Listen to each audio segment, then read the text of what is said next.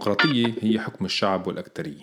أول من عرفها وطبقها كانوا اليونانيين القدماء من حوالي 2400 سنة.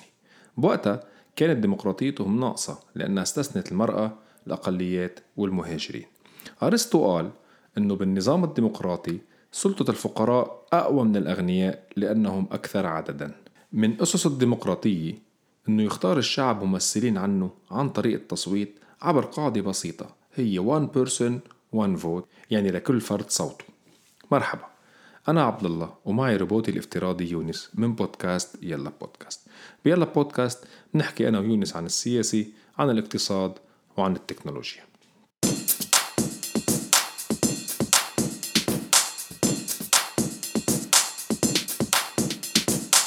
بلشنا هذا البودكاست بزمن الكورونا. هيدي الجائحة يلي الظاهر إنها فرضت تغيير كبير وسريع على كل شي بحياتنا. كيف منشتغل كيف منتواصل كيف منتسوق مع مين منقعد مع مين ما منقعد على مين منسلم على مين ما منسلم. قاعدين بالبيت لا فينا نشوف أهلنا ولا أصدقائنا لا فينا نطلع نتعشى برا ولا ناخد قهوة ولا درينك. أدركنا مع هالجائحة قديش في أشياء كتير صغيرة بحياتنا ما كنا منتبهين إنها هالقد مهمة بالنسبة لنا انتبهنا إنه التواصل الإنساني ضروري لصحة عقلنا وتفكيرنا ونفسيتنا. على صعيد آخر ما في شك إنه الكورونا طرقت الاقتصاد العالمي كف عم يتخلقته. الحكومات بمعظمها عم تتدخل لتلملم الوضع. بالكم يوم يلي مضوا بدأت تظهر تحليلات عن بداية نظام عالمي جديد. ما بتتحكم فيه أمريكا لوحدها بل إنه المارد الصيني ويلي ما في داعي نذكر إنه من عنده انطلقت الكورونا رح يشارك الأمريكان بحكم العالم وخاصة إنه النظام الاقتصادي الرأسمالي النيوليبرالي يلي بتقوده أمريكا واضح إنه عم يترنح أمام هالفيروس. كما أن عم نسمع تحليلات عن انتهاء العولمة وأنه معظم الدول ستعود إلى العزلة. ومثل ما قلنا يا يونس بالحلقات السابقة من الصعب بالوقت الحالي الإيجابي بالجزم عن لأي من هذه الإشكاليات المطروحة. ولهالسبب قررنا أنا وياك أنه لازم نفهم شو هو هذا النظام النيوليبرالي يلي كان شبه مسيطر على كل شيء قبل الكورونا. وبلشنا بالحلقة السابقة باستعراض خصائصه وشفنا قديش أنه النيوليبراليين ضد تدخل دولي بالاقتصاد وبالحياة الاقتصادية والمالية للأفراد. وبالنسبة لهم القطاع الخاص أولا وآخرا يعني ما في بحث. كمان بالسياسة قلنا أنه ضمنيا هن ضد الديمقراطية التقليدية يعني ضد حكم الأكترية رغم حملهم شعارات الحرية الفردية وإلى آخره. لهيك حولوا الديمقراطية من one person one vote إلى one dollar one vote. يعني يا يونس صاروا عم بيجيبوا من خلال أموالهم ممثلين على الشعب بدل ممثلين عن الشعب. وطبعا هؤلاء النواب إذا صح التعبير ممتثلين لأوامرهم بالدرجة الأولى.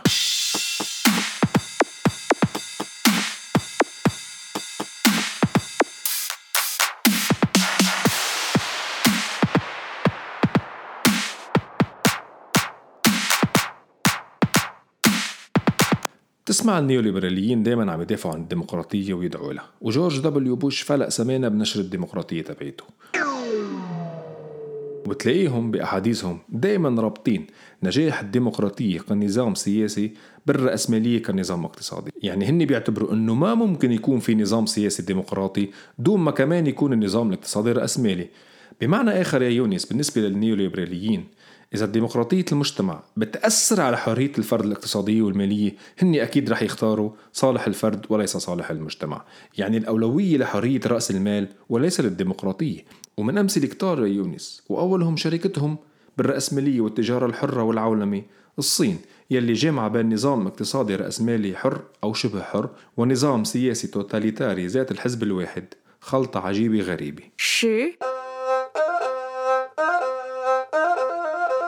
وكمان أيضا سنغافورة يلي استطاع حكمها رئيس الوزراء السابق لي كوان يو بشكل فردي من دون أي مشاركة ل 31 سنة وبأقل ديمقراطية ممكنة وبنظام رأسمالي بحت.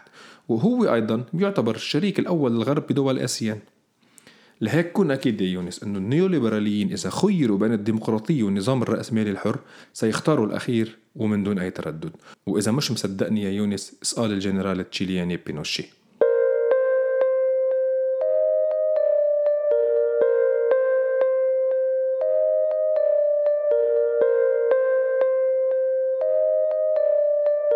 لكن استطاع النيوليبراليين بحنكة أنهم يفصلوا بين عالمي السياسة والاقتصاد وخلق عالم سياسي لا بيقدم ولا بيأخر يوهم الشعب بانتخاب ممثلين عنه وأنه الشعب هو مصدر السلطات. فيما هذا العالم السياسي بيشتغل بكامله عند النظام الاقتصادي يلي اجتمعت بإيده كل السلطة وهو مكون من أقلية من الرأسماليين يعني حكم أقلية وليس حكم أكثرية يا يونس. يا حرام عليك يا أرسطو شو كنت عم تحلم؟ ومن المفارقات الاقتصادية اللي شدناها بالسنوات الأخيرة هي تفوق شركات عالمية بحجمها المالي والاقتصادي على دول كبرى. هذه الدول يلي معظمها بيرزح تحت دين سببه الأول الأزمات الاقتصادية المتتالية يلي ولدتها النيوليبرالية. بالوقت يلي كبرى الشركات مثل شركات التكنولوجيا والمؤسسات المالية تخزن أموال طائلة في البنوك وبحسابات موجودة معظمها بشركات أوفشور يعني بدول صغيرة وجزر مثل بنما وغيرها. يعني بطبيعة الحال خارجي عن سلطة الدول الكبرى القانونية والأنظمة الضريبية. وهيك بيستغلوا ثغرات بهي الأنظمة الضريبية لتجنب دفع الضرائب. مثلا شركة أبل يا يونس عرضت تشتري أصول من اليونان بعد أزمة 2008 مقابل بعض الديون. معظم الشركات الكبرى والمؤسسات المالية الضخمة يا يونس وظفت رؤوس أموالها بنشاطات اقتصادية ما كتير منتجة. يعني وظفوا كتير من هالأموال بقطاعات العقارات. واستطاعوا يحولوا منازل الناس إلى سلع تجارية عرضة للمضاربة. كما أنهم اخترعوا أدوات مالية بأسواق المال بسموها financial instruments بيتداولوا فيها وبيزيدوا من أرباحهم معتمدين على رفع القيود وأضعاف القوانين يلي مفروض تتحكم بالسوق. ويلي مثل ما حكينا بالحلقة السابقة بلشوها النيوليبراليين بأوائل الثمانينات القرن الماضي. سموا هالاختراعات financial innovation. هيدي ال financial innovation يخزي العين أدت لأزمتين ماليتين كتير كبار. وحدة بالتسعينات اسمها ال dot-com bubble ويلي شهدت انهيارات أسواق الأسهم بسبب التضخم الغير طبيعي بأسعار شركات الإنترنت. والأزمة الثانية هي الأزمة المالية العالمية بال 2008 ويلي أساسها كان انكشاف المصارف الكبرى على قروض منزلية غير صحية أدت لإفلاس وتعثر هذه المصارف. بالأزمتين اضطرت الحكومات للاستدانة لتعويم هالشركات والمصارف. واليوم كورونا عم يرجع يكشف هشاشة هالنظام الاقتصادي التعبان يا يونس. يعني النتيجة النهائية اللي عم نشوفها اليوم قطاع خاص برؤوس أموال مكدسة ودول مديونة ملتة عن أساسها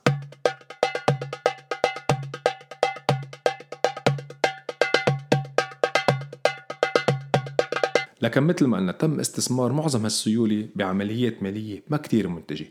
بدل ما يستثمروها باقتصاد منتج وبتطوير المهارات البشرية. لهيك شفنا بآخر سنوات أنه أجور العمال بمعظم الدول الغربية اللي تعتمد رأسمالية النيوليبراليين ما عم بتزيد لا بل بالعكس عم بتقل بسبب التضخم. كما أن العمال شيئا فشيئا عم يخسروا قدرتهم التفاوضية بسبب التطور التكنولوجي يلي بيستطيع رأس المال شراؤه مثل الروبوتات وخوارزميات الذكاء الاصطناعي. لك إيه منيح روق علينا ما تاخدها كتير شخصية أنت كمان. ومش بس انت وجامعتك. وفي كمان مطابع ثلاثية الأبعاد هواتف ذكية وتطبيقاتها المختلفة وغيرها كتير من التكنولوجيا المتطورة يلي أدخلت تغيير كبير وسريع وشامل على العديد من سبل الإنتاج وطرق الاستهلاك. وهيك صار في تفوق واضح لرأس المال على العمال مقرون بهجوم كبير على النقابات وأضعف دورها بشكل كبير. وهذا مثل تاني يا يونس إنهم ما بيحبوا الديمقراطية ولا أي شكل من أشكال التمثيل الشعبي الصحيح.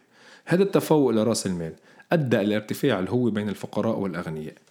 لا معقول لكن أنه ثروات الواحد بالمية من الأغنياء تفوقت على ثروات خمسين بالمية من الفقراء؟ مع هيك معادلة كيف ممكن الفقراء يأثروا بالقرارات يا يونس؟ وأي نظام سياسي ممكن يمثلهم؟ هل فعلا السلطة الحقيقية اليوم مع النظام السياسي أو مع النظام الاقتصادي؟ لك عن أي ديمقراطية بعدك عم تحكيني يا يونس؟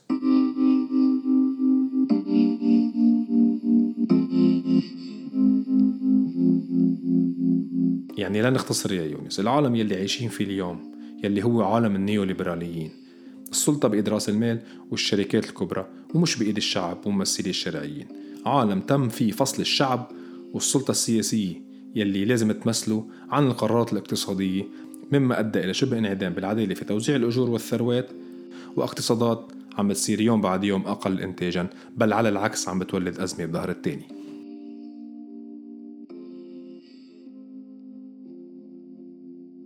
وبيبقى السؤال يا يونس في حل وشو هو؟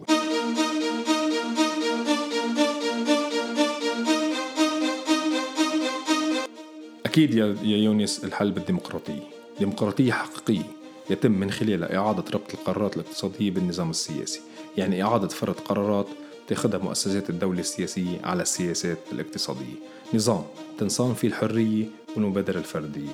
نظام سياسي بيحكم الاقتصاد وليس العكس. بشجع الاستثمار بوسائل الإنتاج والابتكار. نظام ترعى فيه الدولة الأبحاث الأساسية من الجامعات أبحاث علمية واجتماعية لتلاقي حلول سريعة للمشاكل اللي عم بتواجهنا اليوم وأولهم الاحتباس الحراري والتغيير المناخي. نظام بيأمن توزيع عادل للمداخيل والثروات وبيحمي حقوق الأقليات. هلأ شو هي التفاصيل وكيف ممكن نوصل لهذا النظام؟ هذا هو موضوع حلقتنا الجاي من يلا بودكاست ولكن أكيد إذا خيرنا بين الديمقراطية ورأسمالية النيوليبراليين المتطرفة رح نختار اليوم وبكرة وبعده الديمقراطية ويسقط بنوشيه يسعد صباحكم إذا عم تسمعونا الصباح ومساكم إذا عم تسمعونا المساء.